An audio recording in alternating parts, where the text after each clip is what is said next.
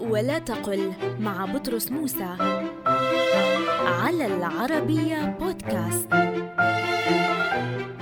قل قصد إليه قصدا وذهب إليه قاصدا وذهب إليه بلا تلبث ولا تمكث ولا تقل ذهب إليه مباشرة. فاستعمال المباشرة بمعنى القصد هو من أسوأ ترجمات المترجمين الماضين الذين يفتخرون بإتقانهم اللغات الأعجمية كالفرنسية والإنجليزية ولا يعنون باللغة العربية تهاونا بها وزراية عليها.